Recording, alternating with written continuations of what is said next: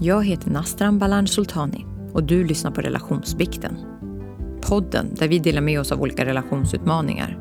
Vi pratar även om relationer till dig själv, din partner, professionellt och andra. Det här är den totalt ärliga podden som baseras på äkta relationer med dess ups and downs, sårbarhet och dysfunktion. Varmt välkomna!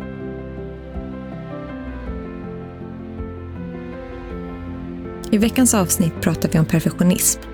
Vad har det gjort för oss? Varför har vi blivit perfektionister? Och vi pratar om våra föräldrars roll och hur vi som invandrare i Sverige har formats till att bli mer perfektionistiska och hur det sedan har blivit en del av vår personlighet. Vi går också in på när perfektionism kan vara något bra och vilken roll det har spelat i våra karriärer. Sist men inte minst biktar vi oss om hur dryga människor vi har varit emellanåt. Så välkomna till eh, ännu ett avsnitt av Relationsbikten. Eh, idag tänkte jag och Rosse prata om perfektionism eh, och vad det har gjort för oss. Hej!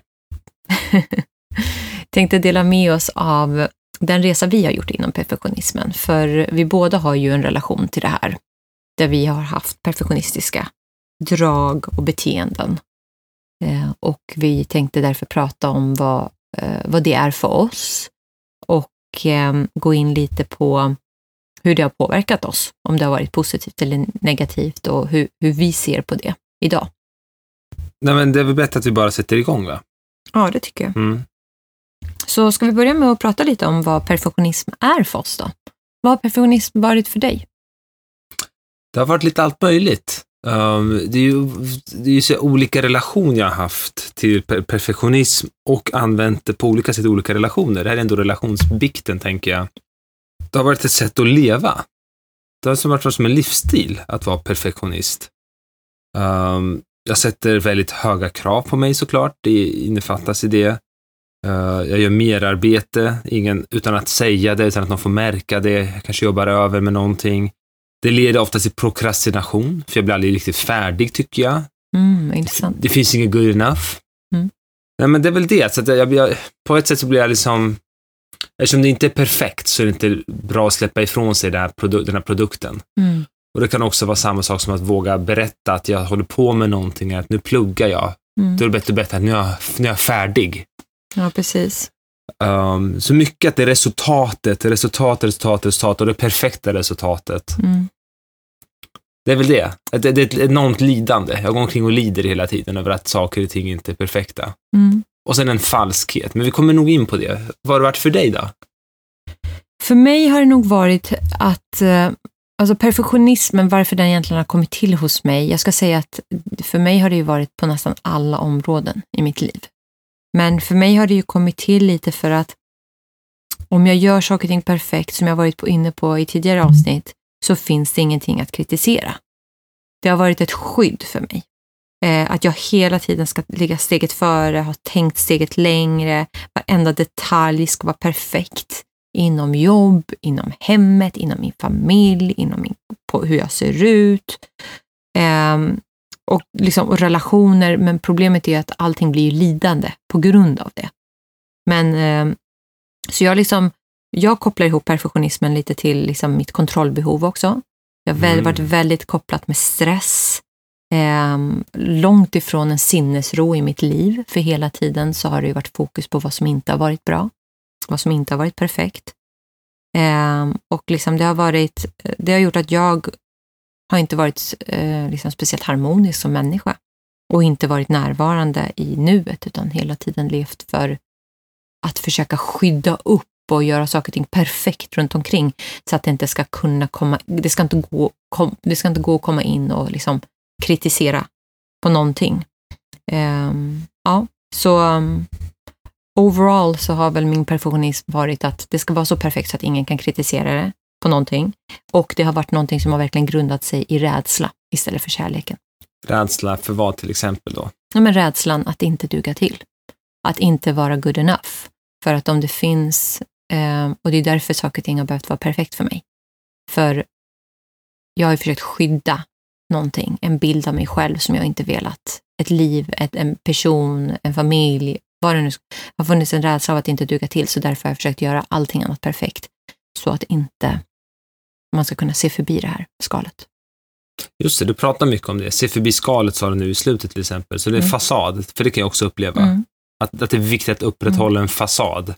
Ja. Att skydda någonting säger du också. Mm. Och också bekräfta för sig själv att man faktiskt duger. Mm. Eh, för att eh, någonstans så tror jag att det är liksom dubbelt. Att dels är det ju det här med utåt och dels är det att eh, bevisa för sig själv också. Eller egentligen så här, försöka någon gång bekräfta för sig själv att man egentligen duger. Eh, genom att försöka uppnå det här perfekta. Och den här rädslan, som till exempel på ett jobb där liksom det, det har lett till sån otrolig överarbetning av saker och ting. Gå in i detalj, varenda detalj behövde vara besvarad. Det fanns inte att det fick komma en fråga som man inte hade svar på.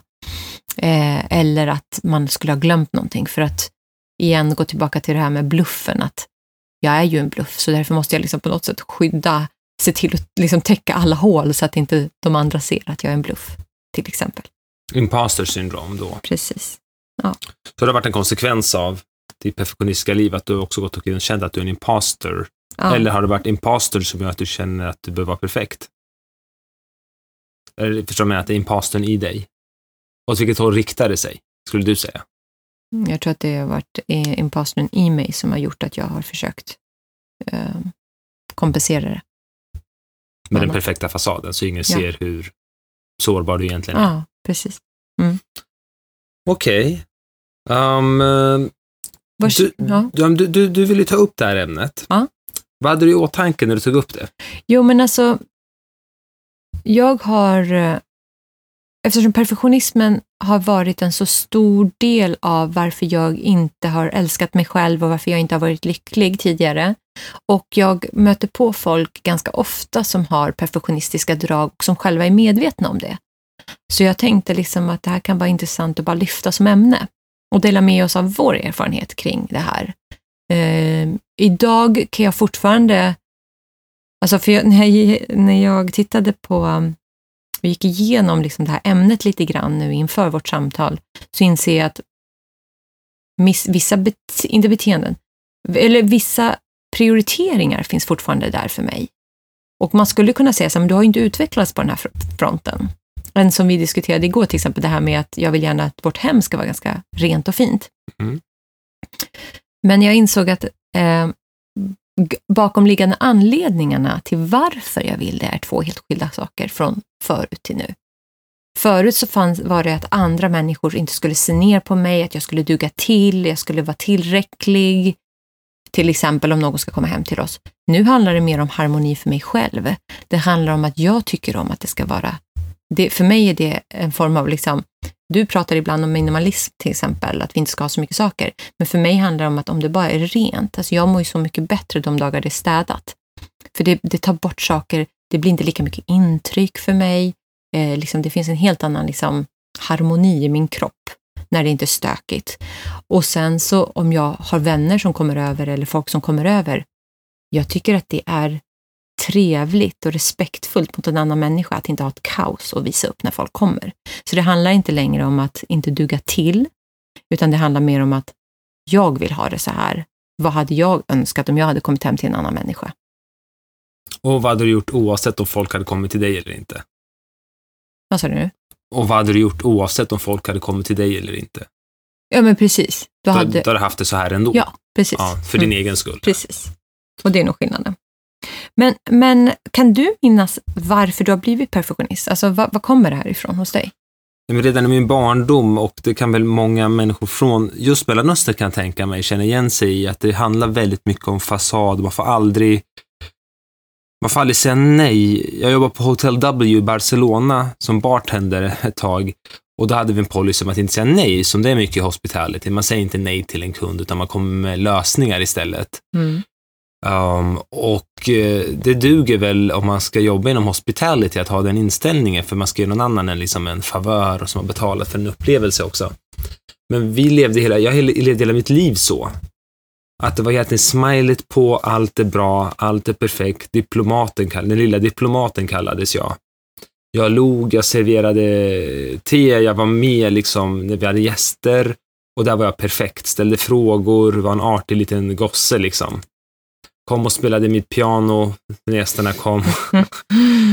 Min lillebror spelade cello. Den stod, stod framme när gästerna kom. Ja, fasaden igen, visa upp att man är bra. Mm. Ja, så jag fick lära mig från barnsben att liksom, vi är invandrare.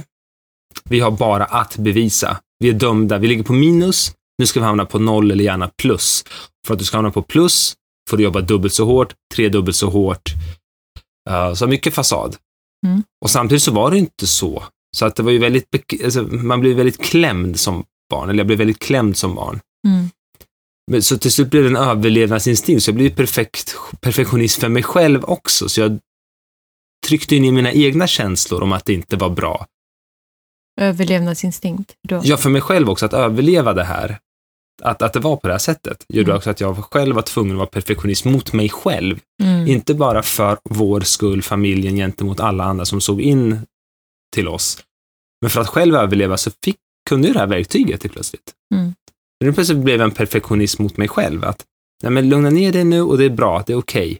Mm. Du ska bara, bara le och gå vidare. Liksom. Tryck bort de här jobbiga känslorna för då blir du ledsen. Det ska ju inte vara. Det finns ingen anledning. Mm, förstår. Betyg var viktigt. Alltså hela den grejen. Alltså vad Mm. du kan få för resultat. Det som syns på papper. Ja. Och då? Nej, men mycket barndom såklart. Ehm, så mycket igenkänning. Det här med att vara perfekta ehm, utåt.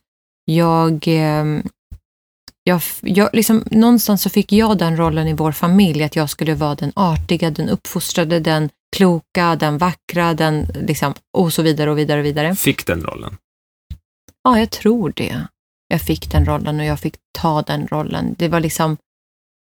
Min syster kom undan för hon var liten och bara gullig och liksom minst. Jag var den äldsta dottern. Min bror behövde inte ha samma krav på sig utifrån av att hjälpa till.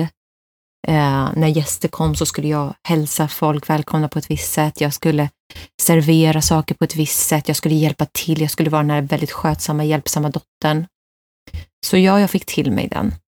Eh, Du var det alltså? Du var den här dottern? Ja, jag var Mm. den dottern. Och det roliga var ju att hemma hos oss var jag samtidigt den som gjorde ganska mycket revolt och var liksom arg och liksom sa ifrån. Och, så det blev så en himla dubbel... Redan där blev det ju så oärligt, för jag skulle visa en fasad utåt på hur jag också till och med pratade med mina föräldrar, medan det inte var verkligheten hur jag var. Eh, Så det gav mig ju, tror jag, indirekt en känsla av att jag dög ju inte som jag var, för den jag var var inte den man fick visa upp, utan jag skulle ju visa upp den andra. Så ja, mycket från min barndom, men jag tror också liksom att, som du var inne på, att komma, in som, komma hit som invandrare, det var liksom rasismen formade mig ganska mycket. Jag lärde mig att liksom, kom det in en tant på bussen eller tunnelbanan, jag var först upp att ställa mig upp, för jag ville inte höra ordet jävla svartskalle, som jag fick höra annars. För det var ju såklart att det var ju till mig man riktade det. Om det fanns andra svenskar som inte ställde sig upp så spelade det liksom ingen roll. Ehm, så jag tror att det var mycket sånt, att liksom hela tiden liksom försöka passa in. Eh, dels var det liksom vår familjs förväntningar utåt och också att det här med att, som du var inne på, att men ni invandrare måste liksom, eller vi är invandrare, vi måste liksom steppa upp och vi måste visa att vi liksom är bra och duger och är liksom duktiga och så vidare. Men sen handlade det också om, mot alla svenskar, att visa att jag är, det finns ingenting att klanka på. Jag, jag kommer, och, och liksom det gjorde ju också att jag lärde mig att läsa av människor väldigt bra. Jag kunde anpassa mig till olika sammanhang för att liksom verkligen vara det perfekta. Det skulle inte gå att klanka på mig. Det skulle inte gå, det skulle inte finnas någonting att liksom prata om efteråt. Um, så den rollen har ju också påverkat mig väldigt mycket, liksom, att vara en um, invandrartjej som växer upp i Sverige. Men sen har det ju också kommit med universitetet. Jag pluggade ekonomi. Mycket, det är liksom mycket elitism i det. Mycket, det är väldigt lite sårbarhet. Väldigt mycket att man ska vara perfekt. Så har ju- Även där, f- förlåt att jag avbröt, men även där var var du tvungen att axla, axla ett ansvar och vara ett, liksom en representant för alla folk, alla invandrare i Sverige. Alla säger, Mellanöstern-folk. Nej, jag tror... eh, På universitetet ja, också, till alltså- viss del. Till viss du, del. du pratade om att du gjorde det hela din Ja. uppväxt i princip. Du representerade familjen, du representerade alla invandrare, Ja, du representerade alla, du tog på det ansvaret, du axlade ansvar som... jag fattar. Och så gjorde du det på universitetet också, så var du också där och liksom var så här... äh, Kanske till viss del, kanske undermedvetet, men nej, mer bara att försöka bara duga till som jag var. Och igen, liksom. Ehm, sen var det ju såklart att det kom ju saker med, det tror jag att det gjorde för andra svenskar också. Nya saker man inte hade stött på tidigare, en bal eller eh, sittningar där man skulle skåla på ett visst sätt och man ska kunna hur man ska äta, alltså allt det där. Men det där hade jag redan lärt mig för att jag var ju redan perfektionist, så de där sakerna kanske jag till och med låg före eller före, jag kanske visste det bättre än vad andra till och med visste det som var uppvuxna, alltså som var svenska, eh, hade svenska föräldrar och så. Men, eh, nej, men jag tror att det är liksom mycket som har format mig där, eh, som, ska, som har skapat det här. Eh, men, så, så, ja. så, så, när kan man säga att du bör, när började din perfektionistiska karriär? Men jag tror att jag var runt fyra, fem år. Som jag minns. Det är mina liksom, första minnen kring mitt Så det har varit hela livet, ja. vad du vet? Ja, absolut du har haft de här kraven som du har liksom mm. fått lära dig att det här är rätt sätt att leva, ett, ett rättesnöre, ett verktyg att ja, använda. Precis. Ja, precis. Har, har, du något, har du något exempel från liksom barndomen? Något tidigt minne där du liksom... Ja, men jag minns när vi hade precis kommit till Sverige. Vi, vi bodde uppe i Kiruna i typ någon månad eller två. Och vi hade lite gäster och jag... Eh, vi skulle få gäster och jag hade hjälpt mamma och mamma pratade så om att men Asta, nu är det jätteviktigt, nu ska du få gäster, det är viktigt att du uppför dig och liksom hjälper till och var duktig nu, var en, var en duktig flicka liksom.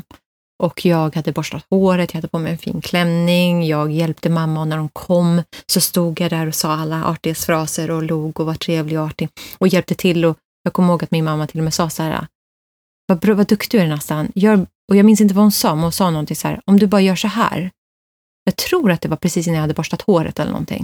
Och hon sa så här, gå nu bara och borsta håret så kommer du vara perfekt. Och hon menade ju i all välmening, för det bästa som finns är ju att vara perfekt i den kulturen vi växer upp. Men det satte sig att aha, det är så här jag ska vara för att vara perfekt. Det är viktigt att vara perfekt. Liksom. Men jag tror att hade mamma inte sagt det så hade jag fortfarande blivit perfektionist. För samhället hade format mig, för att jag var fortfarande en person som var osäker och jag behövde skydda upp. Jag behövde liksom skydda den här invandrarfamiljen. Jag behövde skydda så att ingen fick insyn i hur konstiga vi egentligen var. Eller hur mycket vi egentligen skilde oss. Att vi inte åt samma typ av mat. Allt det där behövde jag skydda, så oavsett så hade jag fått det, eh, tror jag. Oavsett om min mamma eller pappa som kunde ställa krav på skolgång och så, eh, så hade jag fått med mig det. Så har du fått med dig det ändå? Ja. Mm. Oavsett den, den händelsen? Ja, precis.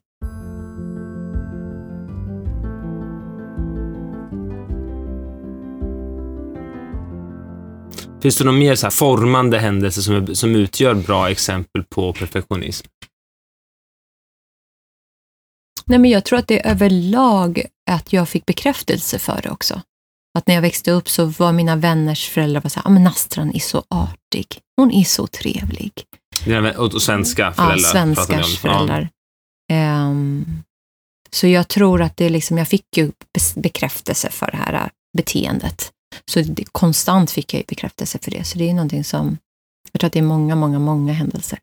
Har du någonting som, som du minns? Nej, men om jag börjar på slutet så, så min första jobbintervju efter universitetet så pratade den här då äldre Djursholmsmannen, om vi mm. kallar honom så, kul som att han är en brottsling, men det, det var han ju inte, eller är inte, så vitt jag vet. Varför låter det som det? Djursholmsmannen, det låter som någon där thriller.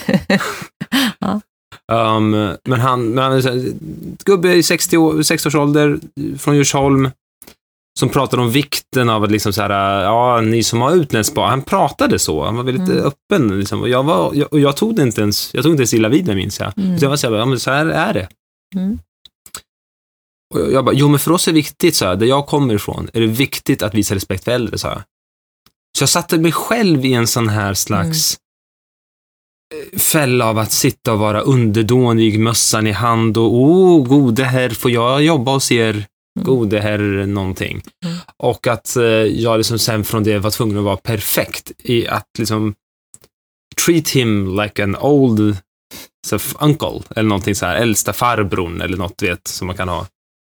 Men jag minns mina första minnen var ju att jag, eller bland de första minnen jag har, det är att jag kunde ju multiplikationstabellen sommaren jag fyllde sex år, fem, sex år var jag då. Och då minns jag att jag fick rabbla upp alla, ettan, 1 till 10. Multiplikationstabellen 1 till 10. Uh, och hade jag rätt så fick jag en bit choklad och gå ut och leka. Mm, du fick rabbla upp det hemma. Hemma ja. Mm. För, hade jag rätt, och det var ju sommar och sol ute, och då fick jag inte gå ut förrän jag kunde typ ettan, tvåan, trean en dag, fyran, femman en annan dag, sexan, sjuan någon dag. Mm. Jag skulle kunna liksom bara 7, 14, 21, 28, 30, vad blir det? 35, jag har glömt. Jag har inte fått choklad på länge. För det, jag äter mycket choklad. Men äh, hänger du med? Det var, så här, det var en sån här perfektionism. Så när jag, och mina föräldrar försökte få in mig i att börja skolan när, jag var sex år. Mm. Och, det. och det var precis bry, i brytpunkten där, där man fick göra det och inte fick göra det. Det var väldigt, väldigt oklart. Min lillebror fick göra det. Jag fick inte göra det. Jag minns att jag blev besviken. Mm. Det är som att jag Ja, hade failat, på, failat mina föräldrar. Men det där är så konstigt för att i vår kultur så är det så här, då pratar man om det. Att ja, men min eh, son eller dotter började skolan när hon var sex. Ju tidigare desto smartare är man, för då betyder det att man har typ hoppat över en klass. Ja, typ. man är så jävla smart. Mm, ens, ens hjärna har växt snabbare än alla andra barn. Man är utvecklad. Och det visar att vi har goda gener i vår familj. Kolla vad smart jag är som gav mitt barn Ja. bra förutsättningar. Och de här goda, min stora hjärna, kolla det är den, det är den hon har fått. Mm. Så, så det är väl det. Det var mitt liksom första minne. Mm. Ja, jag tänker så här, det skulle vara kul ändå, som jag brukar göra, ordnörda ner mig i perfektion. Och då tittar jag på, alltså, jag, jag, etymologiskt då, då som, som, som vanligt, i vanlig ordning. Ska jag, se, jag ska ta fram det, definitionen. Perfectus på latin då. Mm. Eh, någonting som är fullgjort. Mm. Fullgjord. Helt genomför. Ehm, helt och hållet och göra. Så per, helt och hållet och sen facere, göra. Ehm, och då, då står det så här, sätt, och det här är så här psykologiskt lexikon. Då står det sätt att vara och fungera som utmärks av höga målsättningar och en hög värdering av perfektion. Högre än vad som är motiverat, motiverat enligt situationens krav. Mm. Man skiljer mellan normal sund noggrannhet och en neurotisk perfektionism som yttrar sig i alltför stränga krav på perfektion. Speciellt i oförmåga att acceptera misstag och tillkortakommanden. Mm. Och då tänker jag på neuroticism, som, som också kallas emotionell stabilitet. Mm. För jag, jag utbildar ju och håller föreläsningar inom just eh, rekrytering och urval. Och Big Five, när man ska anställa folk så finns det fem stora liksom, traits eller personlighets, eh, personlighets, eh, vad kan man kalla det? Personlighets... eh, Typer. Typ, inte typer, Drag. men drag. Drag, Mm. bra. Drag, det är det ordet jag letar efter. Personlighetsdrag. Um, och eh, ju högre man har på, eller ju lägre man har på emotionell stabilitet, eller det som kallas eh, neuroticism också, eller förut kallas neuro, neuroticism, desto mindre lämpad är man att vara ledare. Mm. Så, och perfektionism i den här betydelsen då blir ju lite annorlunda än den här samvetsgrannhet, som är det andra draget som är en god ledare. Uh, och det är också med i den här femfaktormodellen, Big Five-modellen. Så det är ganska intressant. En ledare anses ju oftast kunna vara en person som skulle kunna vara perfek perfektionistisk, Mm. men också en person som oftast är väldigt neurotisk, om den har en störning, perfektionistisk störning kan man säga. Så Just. ju mer perfektionistisk du är, desto sämre ledare är du. Ja, men det kan jag tänka mig, för om man är perfektionistisk så kommer man ju också ha ett kontrollbehov av att det blir precis som man hade själv tänkt sig. Och Ja. ledarskap handlar ju om att kunna liksom ge folk uppgifter eller ge folk områden och sen låta dem lösa det på sitt Just det, sätt. delegera på Ja. rätt sätt, efter rätt nivå, efter kompetens. Man, Absolut. man, har, man har en önskat resultat, men, men exakt hur det ska se ut behöver ju inte ledaren vara med och påverka. Eller man har ett mål egentligen, snarare sagt, som, som eh, medarbetarna ska kunna liksom nå mot. Eller Speciellt om man har gjort en bra rekrytering. För har du Ja. gjort en bra rekrytering å ena sidan så behöver du inte sitta Mm. och kontrollera dina rekryter Mm. eller kandidater eller medarbetare resten av Mm. ditt liv sen, utan du får göra det när du anställer folk. Så det är ganska intressant just att Mm. just ledare anses oftast vara lite freaks och perfektionister. Uh, eller chefer, Ja, får vi precis. säga. Ja. Men det det är också ett bra sätt att urskilja dem. De som Mm. är väldigt perfektionistiska ska inte, blir inte bra chefer. Nej, de har det det, som är dåligt för att bli chef. Ja. De har mycket på Och jag tänker också att det är svårt ens komma dit för att om man är perfektionist så kommer man göra allting så detaljerat och så noggrant och så överarbetat så man kommer ju högst troligen bli utbränd förr eller senare. Förmodligen. Eh, och jag tror att det är också en person som jobbar ihjäl sig, inte har speciellt bra balans i livet, eh, som liksom eh, inte visar en senioritet. För en senioritet är ju också att man kan liksom ta det lite lugnt. Man behöver inte sitta på varenda detalj. Man ska kunna bara liksom luta sig bak och se the, the big picture. Och jag tror att, i alla fall så som jag var när jag var väldigt detaljfokuserad och perfektionist, så var det inte alltid jag kunde se the big picture. Um, och um, nej, men så jag tror att tvärtom så har man nog, jag hade inte befordrat någon som jag märker är alldeles för perfektionistisk. Nej, just, nej det tyder ju på neuroticism som sagt. Mm. Så, så, så, så, det är ganska intressant när man kollar på just att, mm. att göra något fullgjort och perfekt. Det, mm. det är inte det finns ju inte heller. Mm. Nej, det finns det, ju inte. Det, finns det, inte. det går ju inte Nej. att göra Perfekt är att det inte är perfekt. Det är det ja. perfekta tillståndet. Kaos ja. är det perfekta tillståndet. Ja. Så i, i sig så är det en omöjlighet. Och vilka områden, om man ska gå in på vilka områden som du var perfektionistisk kring, var det liksom alla områden eller var det några särskilda områden? Um, det där är så svårt. Det var, det var ju mm. allting alla, alla relationer. Nu pratar vi mycket om relationer här. Men var du liksom perfektionistisk i liksom... hur jag såg ut? Ja, hur du såg ut. Hur mina partners såg ut. Mm. Hur familjen såg ut och verkade. Mm. Hur jag gjorde saker. Mm. Hur... Um, allting, allting. Mm. Mina relationer till vänner. Mm. En perfektionist ger ofta råd, frågar inte om hur du mår egentligen, har hellre krav. Mm. Det finns liksom ingen plats för medlidande. Mm. Det finns liksom inget sånt, utan det finns bara du borde ha. Varför mm. gör du inte så här? Och jag kan ju falla tillbaka i det känner jag när jag är stressad ibland och vill bara att saker runt omkring mig inte ska störa mig. Vara perfekta med andra ord. Mm. Så faller jag tillbaka i att jag ställer mera krav istället för att mm. istället för att bara låta det, låta det mm. vara och kolla på vad jag kan göra här och nu och låta det vara. Let, let fires burn. Ja, varför är man perfekt? Jag tänker också på det, för jag, hade, jag var ju också perfektionist mm. när det mm. kommer till mina vänskapsrelationer. Jag förväntade mig att folk skulle vara perfekta, ha exakt samma värderingar. Vi skulle se på lojalitet exakt likadant. Och när någon avvek från det här eh, och till exempel inte hade tillräckligt mycket insikt eller vad det nu kunde vara, så var jag väldigt, väldigt, själv, väldigt, väldigt kritisk eh, och väldigt dömande. Eh, vad, vad, tror du att vad, vad, tror du det handlar om att man har så höga krav på sina relationer? För det är en sak att ha krav på sig själv, men varför har man så höga krav på sina relationer? På, sina, på sin partner och på sina vänner, till exempel? Jag kommer svara med en fråga egentligen. Ja? Går det uh, att vara perfektion bara för sig själv? Men jag tänker att det handlar om, nej jag tror inte det, och jag tror också att eftersom perfektionism... Det är ett sätt att vara. Vi började med att prata, jag ska ja. bara säga det, det, alltså, det är mer så här, för att mm. svara ändå. Mm. Jag beskrev det som en livsstil. Inte bara ett sätt, inte bara en, eh, ett verktyg egentligen. Det, mm. det är en livsstil att vara mm. perfektionistisk. Mm. Skulle jag säga mer än något annat, för det innefattar så mycket saker. Så det är det du är. Så den som kommer in i ditt liv behöver också vara det. Och Jag tänker också att det handlar om att om, om, om perfektionism grundar sig i rädsla så är det ju tvärt emot kärlek. Såklart. Just och det. det går ju inte att eh, om, om det inte grundar sig i kärlek, om man inte är kärleksfull, alltså kärleksfull handlar ju egentligen om att acceptera människor för vad de är. Eh, sen betyder det inte att ni alltid är en great match, men eh, dels det, så om, man, om det grundar sig i rädsla så kommer det ju handla om att hur andra uppfattar den här personen kommer reflektera mig. Så om mina vänner är på ett visst sätt så skäms jag då. Om de inte är perfekta så är det en förlängning av mig. För så, så var det för mig, jag kunde inte skilja på allting var en förlängning av mig.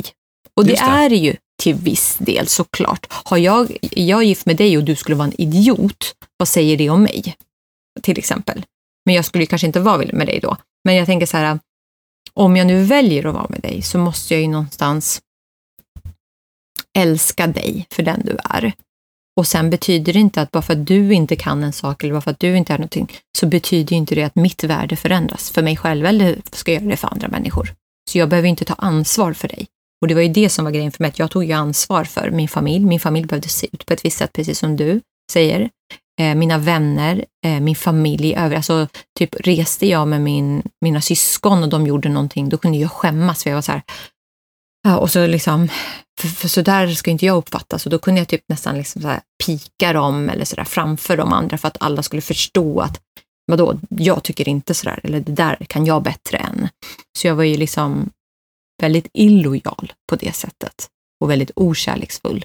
Samtidigt som jag var väldigt lojal i andra situationer. Så det var ju väldigt mycket dubbelmoral eh, på det. Det är intressant det du säger om det här med vänskap och att det fanns en liksom beräknelighet och Mm. Eller så uppfattar jag det. Ja. För det, det, alltså, eller så, så var jag, det är därför jag hör det. Jag lyssnar inte så mycket, hör jag själv. Jag tänker själv vad jag ska säga, fattar jag nu. Perfektionist. Exakt, Nej, men, det, men det var lite transaktionellt, kunde jag uppleva, Mhm. mina, mina relationer. Ja. var väldigt baserade på vad jag ger och vad de ger tillbaka och hur de, ja, men hur de uppför sig. Liksom. Hur, upp- hur speglar det här mig? Hur hjälper det här mig framåt? Hur de uppför sig? Jag kunde skämmas om vi var fem invandrarkillar som skulle göra någonting och en är lite högljudd eller lite så. Då var det så här, Mm. du skämmer ut mig var liksom... Och du skämmer ut invandrare. Ja, men mig. Mm. Ja, om inte jag var där så såg jag det inte. Nej. Men här och nu representerar du mig. Fattar du att du ska lugna ner dig lite? Mm. Du får vara du vill på din fritid, men nu jobbar du för mig. Mm. för nu ska vi ut och äta ihop.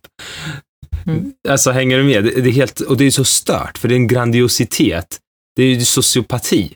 Ja. Eller psykopati, jag kan inte skillnaden så bra. Men, men, men det är liksom det är på den nivån, att det blir en... Att jag tror att alla tittar på mig, ingen bryr sig om mig. Men att vara perfektionist innebär att jag tror att också att folk tittar på mig. Mm. Att jag är större än vad jag är. Min betydelse är så himla stor. Mm. Ska vara perfekt nu, för annars så... Jag fattar. Och det är ju ingen trevlig person att vara vän med. Nej, nej, nej, absolut. Någon som hela tiden ska liksom skämmas och säga till en och vara en pappa nästan då. Ja, precis. Mm. Att man blir någon storebror eller pappa hela tiden. Och det var jag till mina vänner mycket. Ja. Att jag var liksom där och, Mm. och de frågade om råd. Till slut var det min roll. Jag Mm. hatade det, men ändå älskade det. För jag fick vara pappa och det Och du bekräftade fick mig. känna dig bättre än... Precis. Mm. Men det var, ju ingen, det, var inte, jag var inte en av grabbarna. Nej, för jag tänker så här, den här att vara perfektionist innebär ju ett konstant att man misslyckas med saker och ting. För det går ju inte att vara perfekt. Så man, och man kommer ju alltid hitta fel. Mm. Vad, man, vad som än händer så kommer man ju fokusera på det som inte gick bra och det som inte var perfekt. Eh, och ma, eh, man, men jag säger så här, jag levde ju för resultatet, inte vägen dit. Hela tiden var ju fokus på det här perfekta resultatet. Och det gör ju att man inte heller kan vara närvarande, eller jag kunde inte vara närvarande, jag kunde inte njuta av livet. Utan det handlade hela tiden om att skydda sig med den här muren och se till att den hela tiden är skyddad och att det inte går att komma in. Det är inte ett sätt att leva. Det är inte en Mm. härlig person att vara runt omkring. Det är ingen person som är lycklig. Det går ju inte att bli lycklig om man är perfektionistisk inom alla sina områden. Det går ju inte, Nej. tänker jag. För mig går det i alla fall inte. Nej, vad intressant. För att, för att du pratar om är lite grann så här, äh, en förlängning av det som är positivt, som är lite metakognitivt. Att jag tänker om vad tänker jag egentligen? Eller hur beter jag mig egentligen? Att man ställer sig lite utanför sig och ti- bekra- betrakt, betraktar sig själv, som ändå eh, tyder på en viss intelligens, att kunna stanna upp och säga, men vänta här nu, vad, vad tänkte jag precis? Mm. Är det där den tanke jag ska ha? Eller hur beter jag mig? Är det här okej beteende? Det är ganska vackert och omtänksamt, men här skulle du till och med ställa dig ännu längre utanför. Vad tänker andra om mig? Mm. Så ska du gissa, men vad du gör är att du projicerar, du sätter dig själv i deras ögon och säger så här hade jag dömt sönder mig själv. Mm. Och sen förbannar du dig själv. Och det här måste ju vara enormt, eller var ju för mig då, enormt dränerande på energi. Mm. För det här kostar ju enormt mycket resurser för hjärnan. Mm. Så det är klart man blir utbränd till slut. För att om du går omkring och tänker helt vad andra ska tänka, för det är det det blir, det blir extrema medberoendet, det är ju en Mm. perfektionist.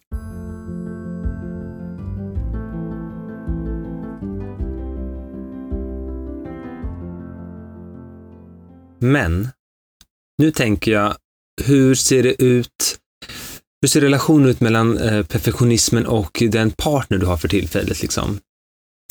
Hur har det sett ut tidigare, om vi börjar där? Men jag tror att eh, i mitt fall så har jag nog alltid jämfört mig mycket med andra människor. Eh, och jag tror att jag också har gjort det i relationer. Ehm, jag har ju liksom någonstans insett på senare dagar, att, eller förut när jag väl började jobba med min perfektionism, att, att eh, jag liksom skapade den här perfekta relationen eller perfekta människan att jämföra mig med. Och hur jag gjorde det var att jag, liksom, jag tog egenskaper eller eh, åstadkommanden eller vad man nu vill ta hos olika människor. Så jag kunde kanske ta, det här var ingenting jag gjorde medvetet, men, jag, men, men, men undermedvetet så kanske liksom jag tyckte att någon hade en jättebra karriär, någon var superrolig, någon hann träna hur mycket som helst, någon hade en jättefin relation med sin familj och så vidare och vidare. Och så tog jag alla de här egenskaperna eller åstadkommandena eller framgångarna eller, vad, eller disciplinen eller vad det nu var. Och så skapade jag den här perfekta människan och det var den personen jag jämförde mig med. Och jag tror att jag gjorde lite så på alla fronter, så även säkert i relationer, att jag liksom kunde kanske tycka att någon, något par verkade ha värsta liksom, hur roligt som helst ihop. Något par verkade ha en jättebra kommunikation, någon kanske reste massa, något par kanske verkade ha ett bra sexliv eller var passionerade. Vad den var så skapade jag den här perfekta relationen som jag jämförde med mig med också, eller oss med också. Och det går ju inte, det är inte rimligt någonstans att göra det, för alla människor har ju bättre sidor och sämre sidor. Um, och någonstans så fanns ju inte det i min jämförelseperson eller jämförelserelationer. Jag såg ju bara de här den här perfekta perfektionismen igen, liksom, som jag hade skapat.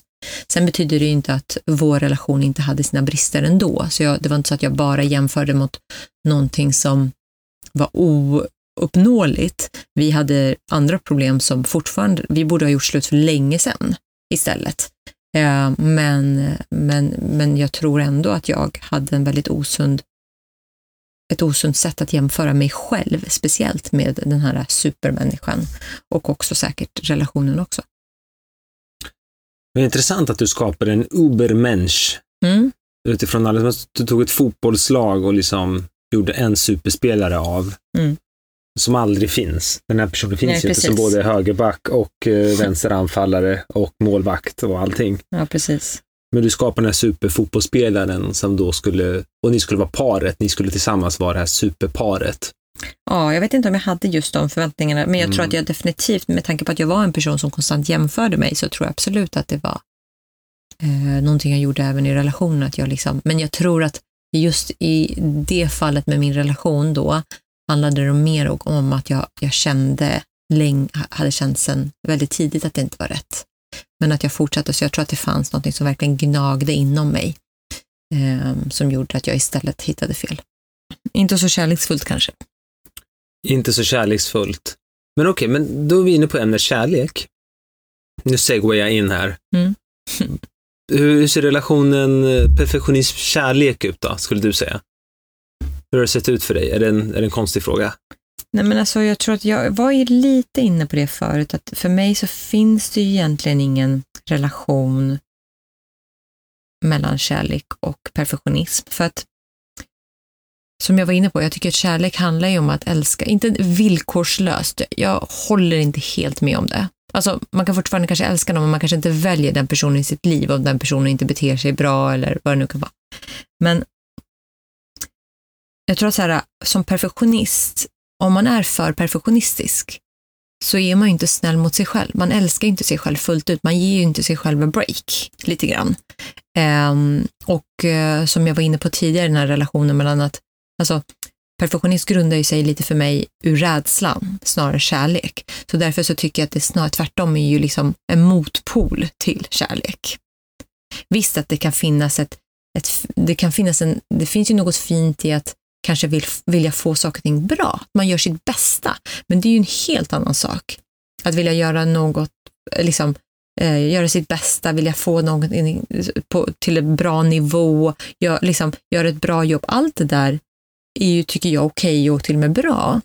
Men jag tror att det handlar om när det grundar sig i att det måste vara perfekt för att det får inte finnas några brister på det. För att om det finns några brister så, så alltså det finns andra, det finns en rädsla i att andra ska tycka saker eller att man inte duger eller att, liksom att man sätter upp det här skalet som jag pratade om för att inte folk ska kunna hitta igenom, för att inte man ska kunna hitta någonting att klanka på.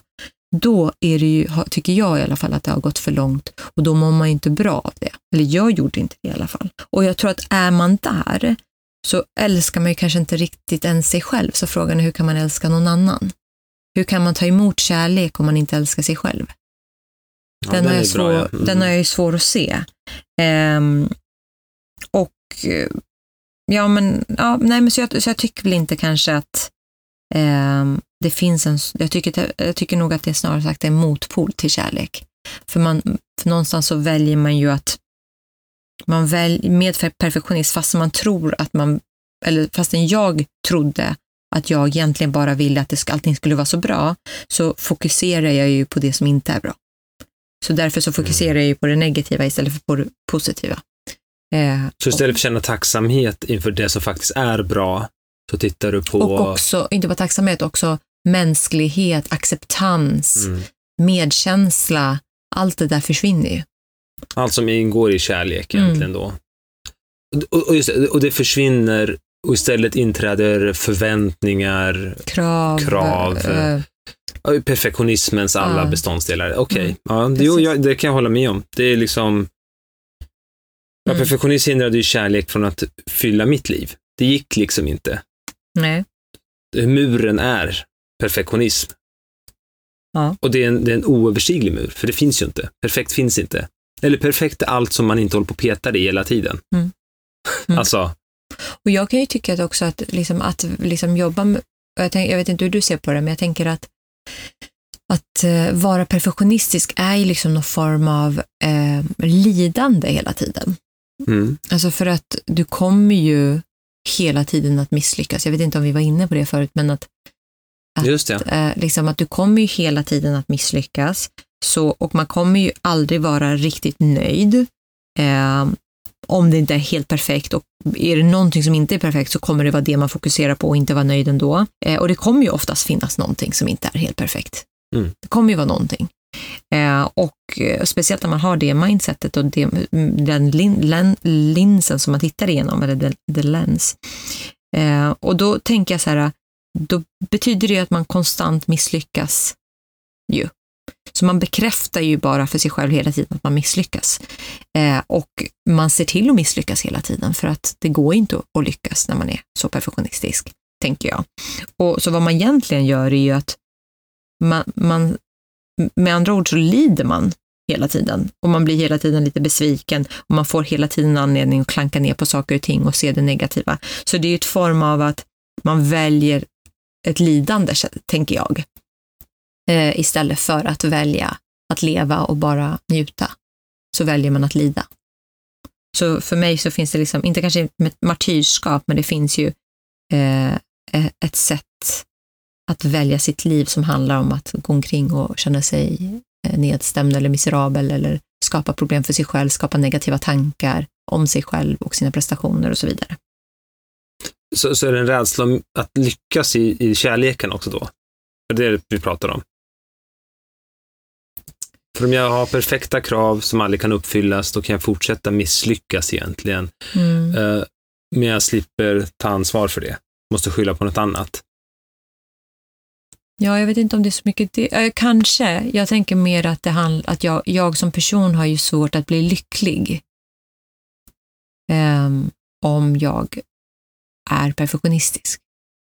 Jag har ju väldigt svårt att vara lycklig, för jag kommer ju, med de kraven jag ställer på mig själv, med, de, med, Mm. den, med det fokuset kommer det bli att jag överjobbar när det kommer till mitt jobb, fokuserar på detaljer, jag kommer fokusera på det som inte funkar, vad jag inte är bra på och så vidare.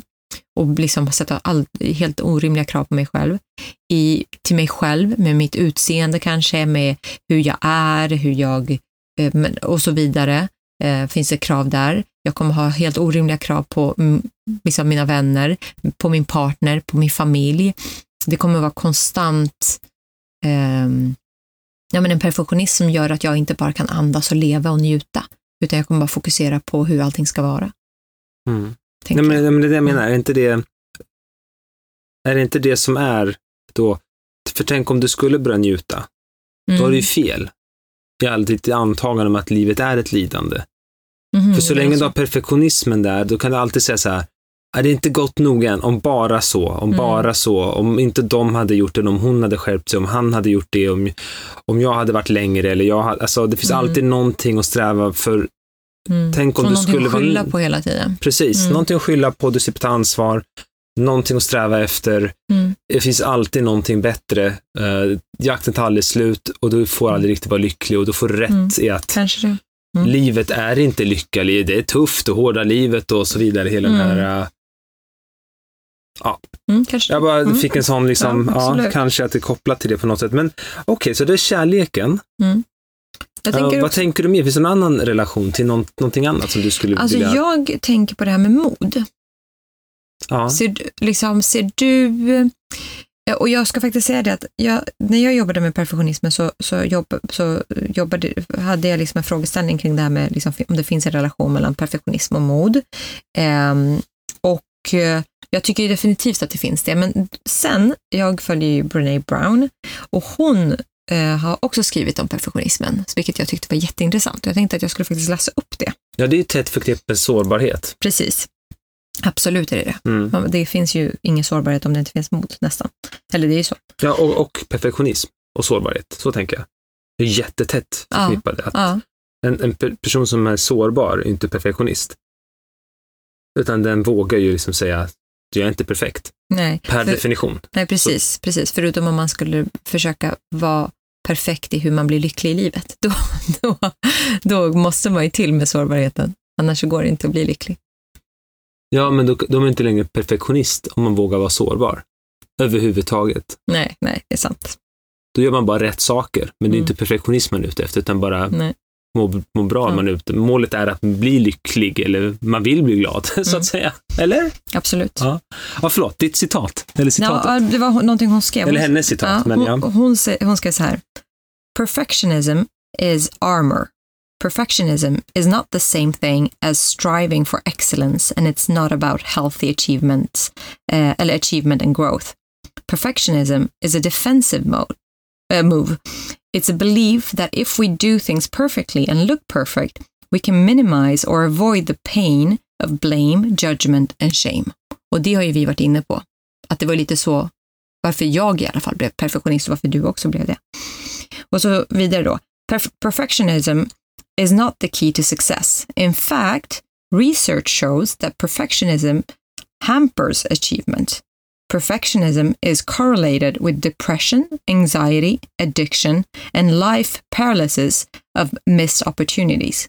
The fear of failing, making mistakes, not meeting people's expectations, and being criticized keeps us outside of the arena where healthy competition and striving unfolds.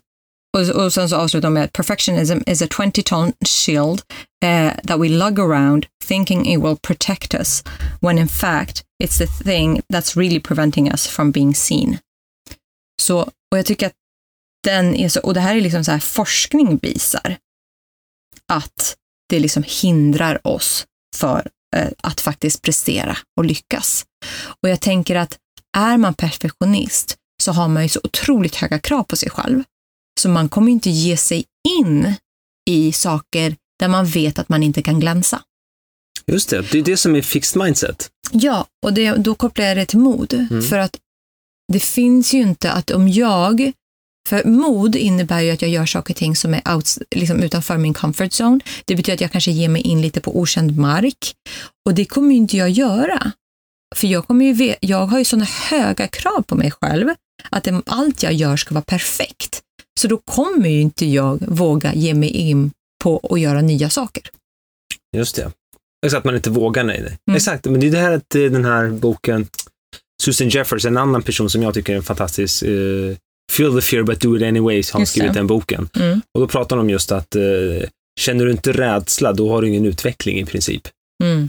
Då vågar du inte gå utanför din comfort zone. Hon pratar om comfort zonen. Där kan du vara rädd och liten och liksom bara vara, eller inte vara rädd, där kan du gå omkring och vara lugn. Mm. Men då är du i comfort zone, du har, inte ut, du, du har ingen utveckling. Mm. För du gör det du kan och du äter bara det du Mm. åt igår och så vidare. Ja. Du har ingen utveckling i det. Um, Och du pratade om det här med fixed mindset och eh, growth mindset. just det, tänker du där? Carol Dweck är hon som har tagit fram det här. Um, eller tagit fram det här, som har forskat fram det och det är hennes, hennes teori kallar jag den ändå.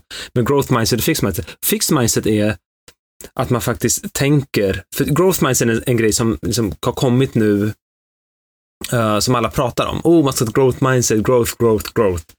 Uh, men det kommer faktiskt ur att då fixed mindset var det du beskrev väldigt bra. Mm. Fixed mindset är en person som har, som har mycket, alla har båda, growth Mm. och fixed, i olika um, portioner, så att säga. Mm. Um, men fixed mindset är det du beskrev, återigen. Att man gör det man är bra på. För att om jag gör någonting jag tycker är svårt, eller som jag inte är lika bra på, om det går långsamt eller segt eller jag gör misstag, då visar det att jag är inkompetent. Mm. Medan en med growth mindset, om det går segt eller långsamt gör misstag, är det ett tecken på jag gör någonting jag håller på att lära mig. Mm. Så, Så- så the growth mindset är att faktiskt lära sig av resan eller, eller njuta av resan eller se resan medan fixed mindset handlar bara om slutleveransen och liksom prestationen i slutändan. Precis, det är prestation. Eller resultat, resultatet. Precis, Mm. resultatet är viktigare. Mm. Uh, en person som har växt upp med growth mindset Mm. Får lära sig att eh, det gör, gör om och det gör inget, det blir fel, det gör ingenting, kör. Eh, det är viktigt att du ska upp på hästen igen. Så vad lärde du dig av ditt misslyckande? Snarare? Ja. Man, man kan säga att fixed mindset behöver inte bara vara dåligt. Det kan vara en Mm. person som lär sig att, eh, gud vad du är snabb. Mm. Um, då, får, då får du den här egenskapen. Tills den dagen den inte är lika snabb som någon annan. Men då gör det mera ont. Men Mm. sen med growth mindset får lära sig, uh, vad snabbt du försöker springa. Eller du gjorde ditt bästa så för att vinna tävlingen. Mm. Vinner de eller inte, det har inte betydelse, utan du ska bara bli snabbare och snabbare. Det är processen som är det roliga. Mm. Att bli bättre och bättre och bättre. De är mer nyfikna på det- livet. Så om man får, om man får då eh, liksom jämföra det med självförtroende och självkänsla Ja. så känns det ju som att en person som har fixed mindset har kanske bra självförtroende, men, eller inte så bra självkänsla, medan en person som har growth mindset har, där har fokus varit mer på självkänslan. Det, det kanske man kan säga att det finns säkert någon koppling där också. Säkert. Ja. Ja, det har jag inte tänkt Och jag, på, men tänk, säkert. nej, och jag tänker också att en, en, en person som har som är en prestationsmänniska, eller nu utgår jag bara från mig själv, att för mig har det ju varit resultatet, inte resan. Mm. Nej, det är först nu, som jag ser i mitt liv, efter Mm. den här terapeut, terapeutiska resan, som jag vågar testa olika saker. Dessutom också gå ut med att jag gör det här just nu, Mm. för jag ska göra det där. Jag vågar gå och fråga så här, hej, jag ska ha en coachingplattform. Så ringer jag runt till 30 coacher och frågar, "Be- behövs det här? Mm. Åh, gud, det finns ju inte för en men för en med fixed mindset, eller en som går omkring med perfektionist. Mm. Då ska det finnas en plattform klar som är så jävla snygg Mm. och färdig. Så att sen ska marknadsföra den med värsta, med buller och bång, så ingen kan säga nej. Mm. Men samtidigt så kommer jag aldrig göra det. För tänk om jag misslyckas då, Mm. då är jag världens loser. Och, och plus att man sätter ju upp sådana, det, det är så, det, att komma till det där perfekta kräver ju jättemycket tid, jättemycket resurser, så det kanske är också, man sätter, det är nästan som att man gör det, det blir så stort så att Man sätter allt på spel, ja. Ja, inte bara allt på spel, men att det är så, det är så, det kräver så mycket så att man orkar inte ens ta sig an det. Nej, nej. Eller så här, nej men det där kommer jag aldrig hinna med, eller? Men jag kan tänka mig många serieentreprenörer som misslyckas ofta, som aldrig riktigt lyckas, har någon slags perfektionist i dem. Tror du? Ja, jag tror att många sk- skulle må bra av att bara lansera något Mm. och kö- göra färdigt. Mm. För vi- återigen, vi går tillbaks till eh, definitionen av perfek- något som är perfekt. Mm. Det är faktiskt någonting som man gör färdigt. Fullgör någonting. Mm. Jag är en sån som tycker om att göra färdigt saker. Jag går färdigt min utbildning, jag går färdigt, jag gör färdigt, jag vill städa efter mig, jag vill liksom ändå göra, liksom, jag vill ta det till sista Okej, jag, jag borde torka disken. Jag Eller torka diskon. Jag vet att du tänkte på... Klart du tänkte på diskon. Jag tänkte precis, vad gör du? Nej, Brukar good- du göra nej, färdigt? Good Ja. enough är det där för Ja. mig. Good enough är det där Ja. för mig. Det där, jag är färdig. För just nu behövs det inte. Men kommer det gäster idag, då kommer jag göra, tro mig, då kommer det vara shiny. Mm. Men det kommer inte gäster, och då räknar jag inte med din syster som jag känner mig bekväm med. Mm. Men kommer det gäster, liksom främmande, kommer det främmande hem till oss, Mm. då gör jag färdigt. Då vill jag att det, att det är riktigt bra. Då, då ska jag hold you to it nästa Ja, eller du ska lura mig varannan dag att det kommer gäster Ja, som sen har huvudvärk och ställer in. En ny människa som du inte har träffat varje gång. Varje gång. Eller, eller träffas så sällan att jag känner att de är. Hur som helst. Ja. Så, men, jag, jag, jag tänker på en grej vi pratade om häromdagen. Mhm. det här med att vi skäms. Jag inte, får, jag, får, jag, vän, får jag byta lite? Vi har ju varit inne lite på det. Det här med, du pratade ju om... eh, Men skäms för vänner. Ja, men du var inne på det. Det här med Ja. att skämmas om en, om en kompis pratar lite för högt och så. Eller skulle det vara högljudd? Ja, ja, ja, men har du haft något sånt? Nej. Inget sånt? Jo, men det är klart jag har haft. Jag tror att ehm, ja, men det hänger väl ihop med allting annat. Att eh, det är den här förlängda armen av... Alltså, jag tror att när jag har varit så här perfektionistisk och också är så osäker som jag har varit, så har jag inte kanske alltid kunnat separera vad en annan person och vad... Alltså, det är klart jag har kunnat separera vad en annan person och vad jag är, men jag har ju ställt krav på dem som att de är min förlängda arm, vilket folk är till viss del. Eh, liksom, men Du representerar dem, de representerar dig när det går ut ihop eller när ni syns. Så skulle såklart. några vänner bete sig på ett sätt som jag känner så här, oh. Så, så jag, jag har nog haft perfektionistiska drag på det också, men det har nog också handlat om så här, snarare mer så här, hur tycker jag att man beter sig? Jag tror inte det handlat nödvändigtvis om en perfektionism, utan jag tror att jag har absolut reagerat på vissa saker, men det har handlat mer om att jag tycker inte att man beter sig på vissa sätt bara. Nej, precis. För jag kan tänka så här, idag kan jag tänka så här, så där gör inte vi. Så kan jag tänka. Mm. Men idag handlar det mer om att det är baserat på i mina värderingar. Du sa förut någonting med att göra sitt bästa, inte perfektionism. Mm.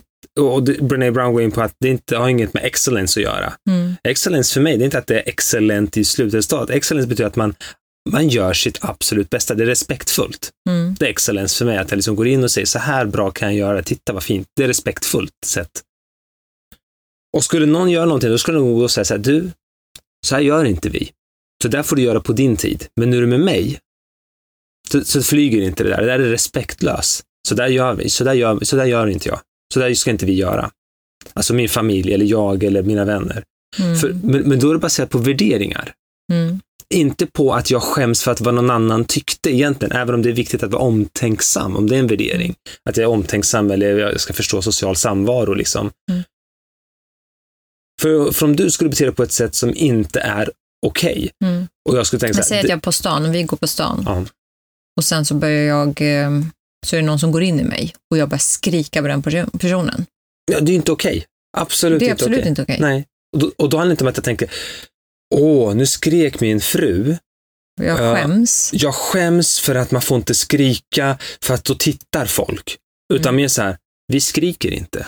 Nej, men jag tycker också så här, ett, jag gick in i henne i det här fallet, i det här fiktiva fallet. Ja, Det är klart att det är jag som ska be om ursäkt till att börja med. till att börja med, ja. Eh, men om hon gick in i mig, säger vi, och jag, eh, eller hen gick in i mig och jag började skrika så är det fortfarande det är inte, det är inte hövligt. Nej, nej, exakt. Det är, jag behöver Det inte inte se vad som hände. Jag vet bara att Mm. någon gick in i någon, eller ni gick in i varann. Ja. Vad gör vi nu? Det var ett eh, konstigt exempel, men ja. Ja, men, ja, men, men även om, även om du, hon gick in i dig, så spelar Mm. du kan också be om ursäkt för det. Det gör inget. Oj, förlåt. Mm. Och så fattar den personen inte. Mm. Det, det har ingen betydelse. Vem bryr sig? Så, Mm. Livet är för kort för att gå omkring och vara arg på saker. Och då jag så här, delar vi inte den uppfattningen? Mm.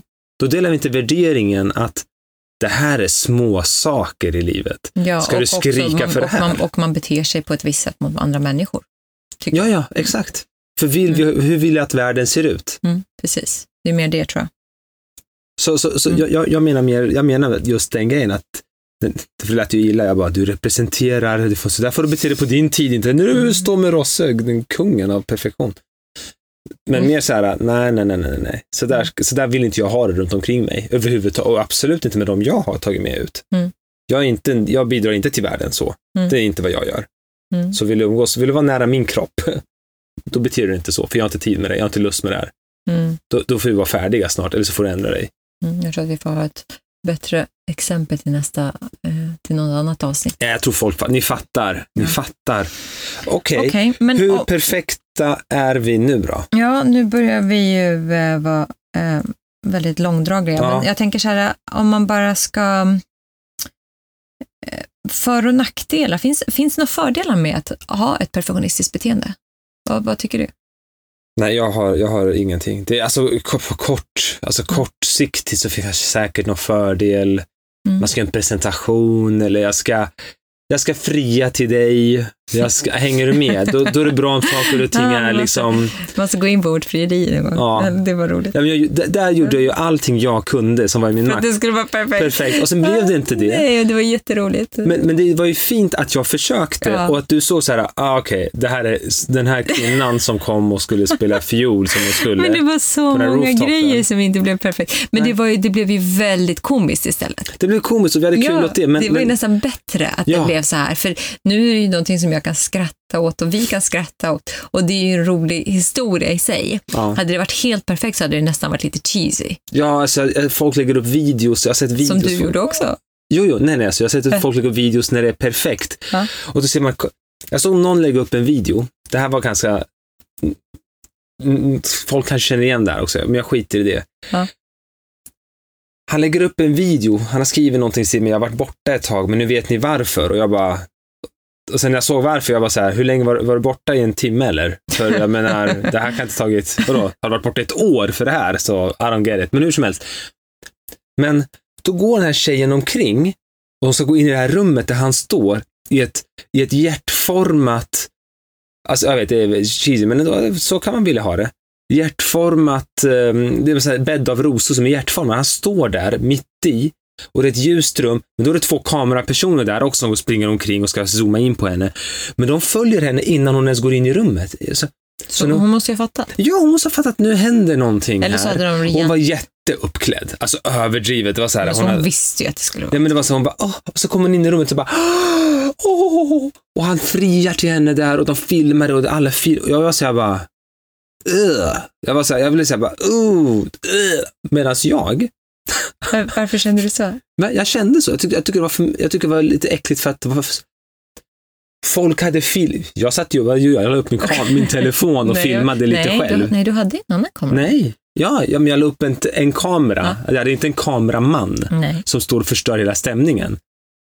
Däremot hade jag, däremot hade jag en kvinna som spelade fiol som spelade, Ja, som, som började prata om nazis. jag har pratat om nazis och hennes man hade fått cancer och Ja, alltså det var stämning. så... och hon spelade var, inte bra. Nej, gud. Var Hon spelade väldigt dåligt. så Um, och jag visste inte att fyrverkerierna inte skulle gå på förrän en timme senare. Det var 4 juli, vi var på en rooftop i New York. Um, Det var mycket roligt i alla fall. och sen hade jag ringen, var här fem dollar ring från som jag köpt på Broadway Street, som var för, mycket för stor. Um, Anyways. Men vad jag vill komma fram till är, jag gjorde ju faktiskt allting jag, alltså mina, mitt bästa av allting som jag Mm. kunde göra där, för att det skulle bli riktigt bra. Men sen blev det ju pannkaka av massa saker. Men det blev, det blev bra till slut. Ja, jag tycker den här versionen är mycket roligare än om Ja. det hade varit perfekt. Perfekt. Ja, men- jag ja, tycker men- det var, blev perfekt Ja, därför. men, ja, ja, men det är väl det här som är grejen med perfekt. Ja. Att när det blir perfekt, då känns det inte riktigt äkta jag, jag kopplar det till, när det, saker och ting har varit perfekt, jag kopplar det till en känsla av onärvaro. En känsla av att inte bara njuta. Så för mig, även om jag har lyckats åstadkomma perfekta evenemang eller perfekta saker eller whatever, så har inte jag kunnat njuta. För att jag har hela tiden trippat på tå och tittat runt mig och för att liksom säkerställa att allting är liksom okej för alla. Så jag har inte njutit. Så för mig, så att säga att någonting är perfekt blir ju då, Ja, du, du kopplar det till det. jag kopplar det till det. Att du har sprungit runt och Att jag fixat. inte, ja, jag har inte mått Mm. bra. Jag har inte varit någonting som Nej. jag har njutit av. Jag tycker ju vårt bröllop var perfekt. Och då menar jag det inte så här perfekt. Jag tyckte det var perfekt för att jag kunde verkligen vara närvarande. Tycker Mm. att allting blev jättebra. Spelar ingen roll att jag till och med snubblade över min klänning för att den var liksom, det, ty- det, spelade, det, det gjorde mig ingenting för att jag tyckte hela, allting var så fantastiskt. Men då hade du ett perfekt Excel-ark och hade drillat folk i veckor. Jo, jo, men man får inte heller glömma att jag har ju jobbat med projektledning. Jag har ju jobbat med saker och ting där jag strukturerar upp saker på ett visst sätt. För jag tycker så här, man kommer glömma grejer. Mm. Eh, men, vet, ja. men den dagen, Nej, då släppte då vi kan jag ju allt. släppa Då körde på allt bara.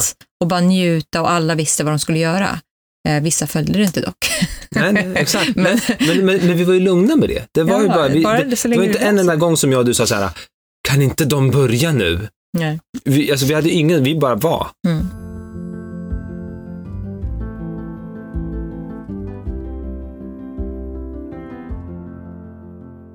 Okej. Men okej, om vi går tillbaka till eh, fördelar kort och lång-. Men jag tycker du det finns någon ja, men fördel alltså, kort sikt Som du pratade om på kort sikt så finns ju såklart en fördel av att kortsiktigt sett så får man får mycket bekräftelse för att man kanske gör ett bra jobb. Mm. Man, eh, det är en fasad utåt av att vara perfekt så kanske eh, liksom, nej, men hjälp i karriären, eh, man eh, verkar ha liksom bra självförtroende, eller man kanske får bra självförtroende för att man får beröm för sånt, saker och ting man gör. Men liksom, och på lång sikt, fine om man lyckas liksom hålla upp den här perfektion, perfekta nivån på saker och ting och så kanske det också gynnar en i karriären, men jag tror ju långsiktigt att man kommer bränna ut sig. Och jag tror absolut inte att man kommer vara lycklig. Eh, Så liksom nackdelarna ser jag ju många fler. Liksom att för mig var det i alla fall på grund av det här detaljfokuset tog enorm tid med allting jag gjorde. Det var inte bra för min självkänsla. Jag, tapp, liksom, jag tappade ju mig själv. Jag visste inte vem jag var i allt det här. Eh, som jag var inne på, det här med att jag kunde inte njuta av saker och ting. För att jag fokuserade hela tiden på hur det var, hur det framstod. Det ger ju också mindre tid för annat, mindre fritid. För att jag kanske lägger alldeles för mycket tid på jobbet till exempel. Eh, och på lång sikt så tänker jag att liksom ens, eh, hela ens självbild blir ju att identifiera sig med det här perfekta på alla områden. Och vad gör det för ens självkänsla? Eh, och om man jobbar sådär på det sättet, liksom att eh, sannolikheten att man blir utbränd är ju ganska stor, tänker jag.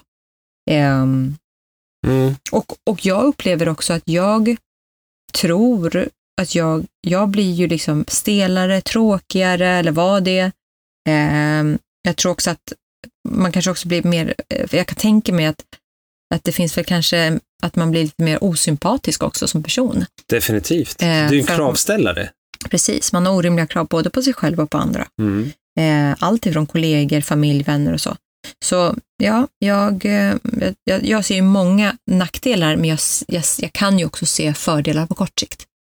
Eh, utifrån liksom, samhället och vad vi, liksom, speciellt eh, när någon kommer liksom, på ett jobb i början och levererar perfekta saker, det är klart att den, den personen kommer få beröm. Men om den ska hålla långsiktigt så är det ju, handlar det ju om att vara uthållig lä- länge och på en nivå som är hållbar. Liksom. Ja, har- och sen blir det per- perfekt. Så här, tänk om man är perfekt. Mm. Um, tänk om man lägger så mycket energi på att göra en grej som ska ta en timme, låtsas vi. mm, jag la ner åtta timmar på det. mm, Ja, och då nådde jag upp på, till en timmes nivå. Mm. Och så får jag det här uppdraget, eller jobbet.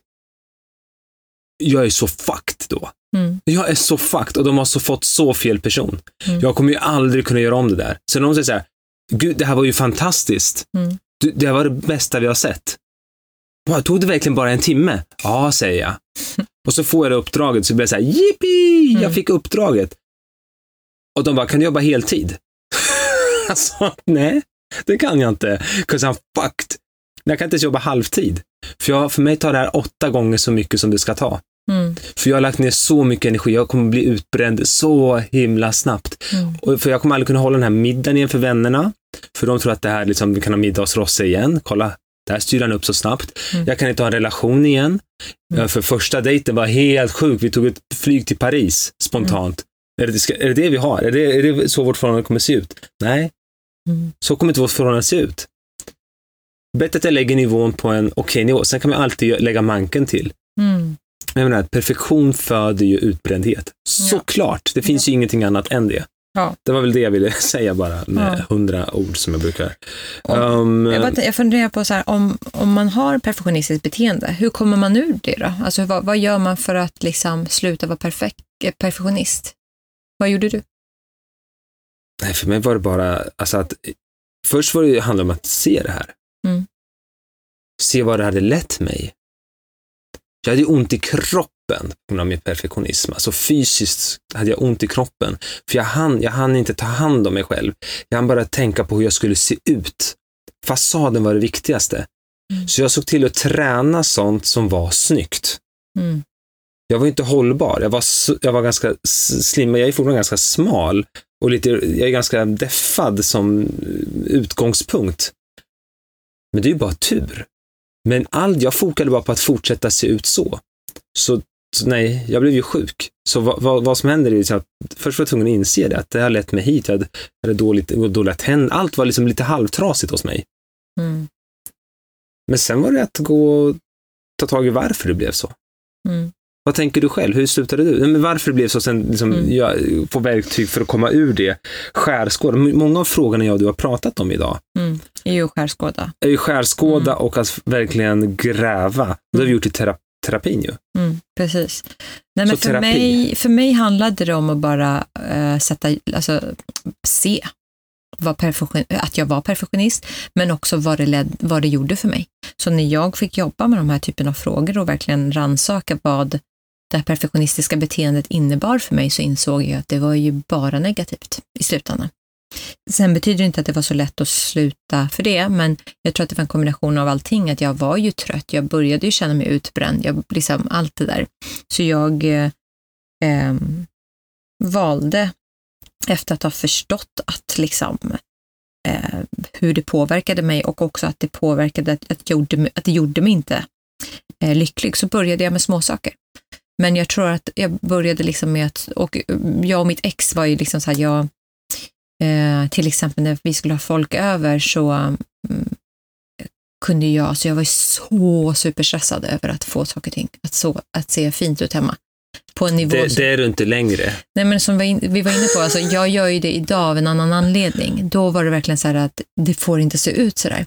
Jag tog upp det här, sa jag det här exemplet om vad min terapeut frågade mig en gång. Nej, eh, jag vet inte. En tidigare terapeut som jag har haft, för jag pratade om det här med att det skulle vara perfekt hemma. Och då frågade hon, hur ser det ut i dina lådor? Och alltså hur ser det ut i garderoben, hur ser det ut i lådorna? Eh, när folk kommer, för jag slängde ju bara in saker och ting, lådor och liksom.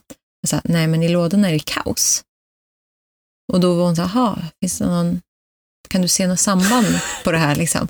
Då var det liksom att fasaden var ju perfekt, men inuti så var det kaos. Och det var ju jag. Precis likadant som hur jag framställde mitt hem, Ja, bra liknelse. så var det liksom, det var ju jag som person. Idag så är ju mina lådor också väldigt strukturerade. Inte vårt förråd. Jag har ju lite, heter det OCD, när man har lite så här, allting ska vara i färgordning och så. Nej, men ehm, ehm, vad skulle jag komma? Jo, så, så för mig handlade det om att jag förstod att det här gör mig inte lycklig. Eh, jag såg liksom att alla nackdelar med det här, det här med modet och så vidare, vidare. Och hur jag faktiskt agerade och betedde mig mot, mot eh, och vilka krav jag hade på människor och mig själv. Så, eh, så för mig handlar det om att smått börja förändra vissa saker. Börja leverera lite sämre på jobbet, eller sämre. Jag, jag körde 80-20-regel på jobbet och så insåg jag att jag fortsatte få jättebra utvärderingar. Tvärtom så såg mig, folk mig som mer senior och så vidare, vilket uppmuntrade mig att ta fler steg. Eh, och så började jag släppa på grej efter grej efter grej. Liksom. Eh, och för varje grej jag släppte så var det lättare att släppa fler saker. Så, och går inte det så skulle jag väl säga, liksom, om det här är något som verkligen påverkar en och eh, man har svårt att ta tag i det själv, att det alltid finns ju, det finns ju alltid hjälp där ute. Just det. Eh, Jag kan tänka mig att KBT kan vara rätt bra också. Ja, för det här det, tror jag också är det. mycket beteende här. Mm. Att man börjar, här skulle man kunna börja mycket med beteendet, men här, jag är ingen expert på det. Mm. Men jag kan tänka mig att det är väldigt effektivt i alla fall. För Mm. det, här kan man lite fake it till make it, att bara sluta med vissa saker och sen märka att, som du beskrev det nu, man slutar med vissa saker, Mm. eller börjar med vissa saker, Mm. och så märker man att, oh shit, det blev mycket lättare, och sen så, det här ska jag fortsätta med. Att det är lite så också, att det inte bara utgår från att jag fattar varför jag gör det, grunden, och sen ska jag börja ta tag i. Mm. För så fick ju jag, jag körde den långa vägen. Men sen blev det beteendet. Långa vägen. Ja, men att man först tog reda på varför Ja. och hela den Mm. istället för att bara, nej men jag måste sluta med det här tvärt. Mm. Jag lär mig på beteendet och sen belönas jag. Men sen också så här, det, det påverkade ju alla andra runt omkring mig. Jag märkte att min relationer blev ju sämre och sämre till alla. Mm. Då menar jag alla runt Mm. omkring mig. Alla kvinnor jag träffade, Mm. mina polare, min bror jag bodde ihop med, min, mina föräldrar, mig själv, allting runt omkring mig blev ju bara värre, sämre och sämre. Alltså de relationerna blev ju bara värre. Jag var ju ganska oskön. Du pratar om en osympatisk person. Mm. Jag gick omkring och var folks eh, pappa, storebror, kravställare. Eh, gick Mm. omkring och liksom bara, det där kan göras bättre och bättre och bättre och bättre. Och det, och det uppskattar ju folk lite grann. Det är ju lite, lite kul när någon kommer in och bara, du, det där, så, det, han ser mig och han vill mig väl. Mm. Men om det där är det jag gör, är, Mm. ja, hemskt. Mm. Och det börjar jag fatta också, att det där, det, det, jag vill ju inte vara den. Mm. Det kostar enormt mycket energi att ha koll på alla andras brister. Ja, nej, fokus där så, istället för så, sina eh, vi har i alla fall inte haft någon positiv eh, vi har inte fått ut så mycket positivt av vår perfektionism, eh, i alla fall inte på lång sikt. Eh, så om vi bara ska sammanfatta eh, perfektionismen, för oss i alla fall, om jag också tar in dig där, vad du har sagt, så liksom, det har påverkat många relationer negativt. Eh, det har liksom inte gjort någon av oss speciellt lycklig. Det har grundat sig i rädsla av att bli upptäckt, av att inte duga till. Ehm, och ehm, Det föder en gränslöshet, man lägger sig i vad andra ska göra. ja, absolut, man har höga krav på andra människor, men det går in i det där med relationer. Mm. Och kort sikt så kanske det här kan på något sätt ge en fördelar och bekräftelse, men på lång sikt så ger det ju absolut inte det. Eh, utan tvärtom, i, i, våra, i mitt fall i alla fall, så har det ju varit dålig självkänsla, ehm, inte kunna njuta av livet, inte vara lycklig, inte vara en skön person överhuvudtaget. Men man alltid du är aldrig klar med något heller. Man Nej. blir aldrig klar. Nej. För du kan alltid göra lite fokusera bättre. bara på det negativa, så det är Mm. någonstans så här, det, det, det gör att jag tillåter mig själv, eller till och med skapar en miljö där jag går omkring och lider lite grann hela tiden. Så, Mm. så jag går igång någonstans på lidandet, för annars skulle jag inte fortsätta. Och absolut en negativ korrelation, om man får säga så, Mm. mellan kärlek och Ja, perfektionism. Precis. De går absolut inte ihop. Det, det, det ena minskar det andra. Så det var väl nog allt om perfektionismen, va? Ja, det är ju så sjuk utopi. Det är väl det vi pratar om egentligen, att det är, det är bara en sjuk, weird utopi. Ja, som aldrig- inte ens är en utopi. För perfekt är inte så roligt. Hur, jag måste Nej, det är för att den är sjuk, ja. Nej, men jag tänker så här, om, jag vet inte om du har träffat eh, folk du har blivit intresserad av så. Jag har ju aldrig blivit intresserad av en person som är perfekt. Alltså, en, en person som verkar perfekt. som verkar eller- perfekt, nej. utan det måste ju finnas, tvärtom så har ju Någon jag mänsklighet. blivit mänsklighet, alltså sårbarhet, eh, dist, självdistans, eh, liksom det här perfekta beteendet och den här rädslan av att inte vara perfekt, det har jag tyckt varit jätteoattraktivt. Mm. Så det är intressant att jag själv har varit den på andra sidan. Många gånger. Och ändå gör jag också det än idag. Alla vi gör ju saker för att visa vårt bästa. Mm. Men det är skillnad på det och att vara rädd för att inte vara perfekt. Mm. Till och med i den här podden och i vår relation har vi fortfarande kvar vissa tendenser som handlar om ett utifrån intänk. Det får vi ju, det får jag ju, eller jag har det, jag säger vi, jag drar Mm. med dig i mitt, jag har ju det fortfarande. Men kolla, så här, alla ni har ju sett den här bilden vi har. Det, där Nastaran och jag sitter och det ser ut som att hon matar mig med druvor eller någonting.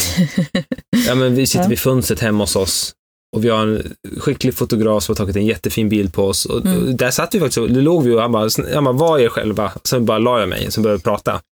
Så tog du mig i handen och tittade Oh. djupt i ögonen. Ja. Ja. Nej men, det är ju så här, det är en perfektionistisk bild. Så där Mm. ser inte vårt liv ut. Nej, det är inte så där städat hemma hos oss i alla fall. Nej men, ja, men hur ofta sitter vi i fönstret och ligger sådär och pratar? men, ni måste förstå, så där ser det inte ut. Nej men det gör inte det. Aldrig. Vi sitter i mjukisar just nu. Ja. Och Jag, kör. jag har aldrig smink på mig. Jag har alltid rufsigt hår. Nej, Mm. nästan. Nej, men, men, så, så, men så, är, så ser våra liv ut och så vet många där hemma ser också ser ut, ser ut så. Vi, så. Vi är inte perfekta såklart, och vi, men vi vill också att det ser bra ut. Vi vill också ha en image av att vi är, en, vi är ett par som ta, pratar. Vi är inte alltid så funktionella i våra samtal heller. Nej. Vi gör dumheter, vi är trötta, vi har två små barn. Mm. Ibland så vill man ha inga barn Ja. för att Ja. orkar vara... Ja, men ibland vill jag ha det. Jag vill, nej, alltså, Mm. du vill inte att de, jag vill att de försvinner i tre timmar. Ja, jo. Så, Mm. bara försvinner. Ja men, ja, men för, på riktigt, in i en annan dimension, Ja. men sen kommer de tillbaka. Ja. Men då vill jag inte att, inte att någon vill ha en barnvakt jag vill bara att såhär, jag är barnfri, lös, barnlös. Ja, okej. Så hemsk Mm. jag. Jag vill ha barnlös. Jag vill bara vara med dig. Mm. Ah, vad skönt det var att säga allt det där. Okej, ska vi avsluta nu? Jag älskar dig Lulu, Lorenz, jag älskar er. Det är inte det, jag älskar er. Um, Ibland vill du bara vara du. Idag vill jag bara, ibland, idag, Idag. idag, idag varje dag en liten stund. Ibland vill man bara vara själv för allt annat är lite perfekt. För vi måste vara perfekta inför barnen ibland, tänker du på det också?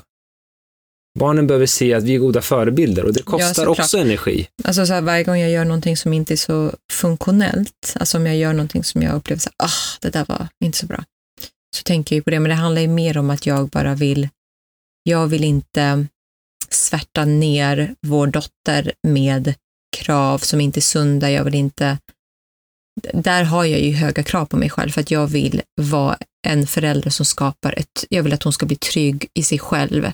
Jag vill att hon ska liksom få gå sin egen väg. Och jag vill att hon ska må bra och vara lycklig och att vi inte ska sätta några etiketter på henne eller så. Och vi har ju tendens att göra det, för det här, liksom, trots att vi har jobbat med oss själva så har vi ju med oss det här perfektionistiska. Såklart. Och jag upplever att vi har ju varit perfektionistiska mot henne också. Ja, men just nu, efter det här, vi kommer stänga ner det här nu. Mm. Sen har vi en godispåse, med så här naturgodis förvisso. Men det vet hon inte om. För vi kan aldrig äta den framför henne. Det är ju perfektionism. Det är fake. För börjar vi äta det framför henne, då kommer hon också tänka att jag vill ha det. Det här är många föräldrar som gör, har hemliga gömmor och godis och glass i frysen som barnen... Om de visste det skulle de ta livet av sig. Eller ta Mm. livet av oss. Mm. Om de visste hur hemskt det är att de inte får. Mm. Men vi får torsdag, fredag, lördag, söndag, måndag. Varje kväll får jag ta och äta vad jag vill. Och jag gör vad jag vill. Men det är ju bara för att vi, beter, vi, han- vi behandlar ju dem bättre än vad vi behandlar oss själva. Ja, ja, såklart. Alltså, vi, jag vill ju Men det är också min en dotter, jag vill inte ge bild. gifter till min dotter. Nej, Men jag Men ger gifter du kan till mig trycka själv. i dig själv. Ja, men du njuter ju också. ja. men det gör, hon får ju saker också. Är Jo, ja, ja, hon lever Ja. inte på morötter, liksom, det är det. Men, men jag vill ju ändå säga det här att vi har ju också, att man, vi, är- vi är ständigt påpassade Mm. och vi går omkring hemma och trippar på tå för de vi verkliga, verkligen är. Det finns folk som inte gör det, de äter chips när de vill eller gör vad de vill. Barnen gör också det då, men vi tänker att det ska vara lite mer perfekt. Ja, men det handlar ju om att sätta sunda rutiner för dem. Vi, vi har ju inte fått, eller jag åt ju, jag levde ju på socker. Jag menar, jag vill ju skapa, jag vill ju skapa eh, Ja. bättre rutiner för henne som gör att när hon växer upp så kanske inte hon är sockerberoende. Nej, nej, så, nej, jag säger, nej, jag förstår det. Det där förstår jag. Jag håller med. Jag håller med. Jag vet varför vi gör det här det är skit. Det, det är bättre än sämre. Men Mm. Jag säger att vi fortfarande tänker på fasaden. Jag vet inte mot dem. Vi tänker på fasaden om folk kom hem till oss Mm. så skulle vi heller inte servera bara dynga. Fast vi kan trycka i oss lite dåliga grejer. Alltså, vad snackar om? Vi serverar väl pizza? Jag vet inte om jag håller med om det här helt och Ja, hållet. ja. Låt oss avsluta nu. Jag låt folk andas. Okej. Okej, nu ska vi gå och äta godis i alla fall. yes. Ha en eh, fin dag. Hoppas vi hörs snart igen. Eh, uppskattar, vi tycker det är så kul att vi får eh, meddelanden, sms, eh, det är samma sak som meddelanden. Short message service. Nej, men på de olika kanalerna. Vi är verkligen jätte, jag är jätte, jättetacksam. Jag tycker det är så kul att höra från er och vad ni, vad ni tycker och så. Tack för alla tips också, alla som Ja. skriver. Och fortsätt skicka in, vi blir så glada. Mm. Så ha det så fint. Vi hörs snart igen. Det är lördagsgodis ska vi säga också. Ja. Okej, tack. Hej. Hej då. Hej.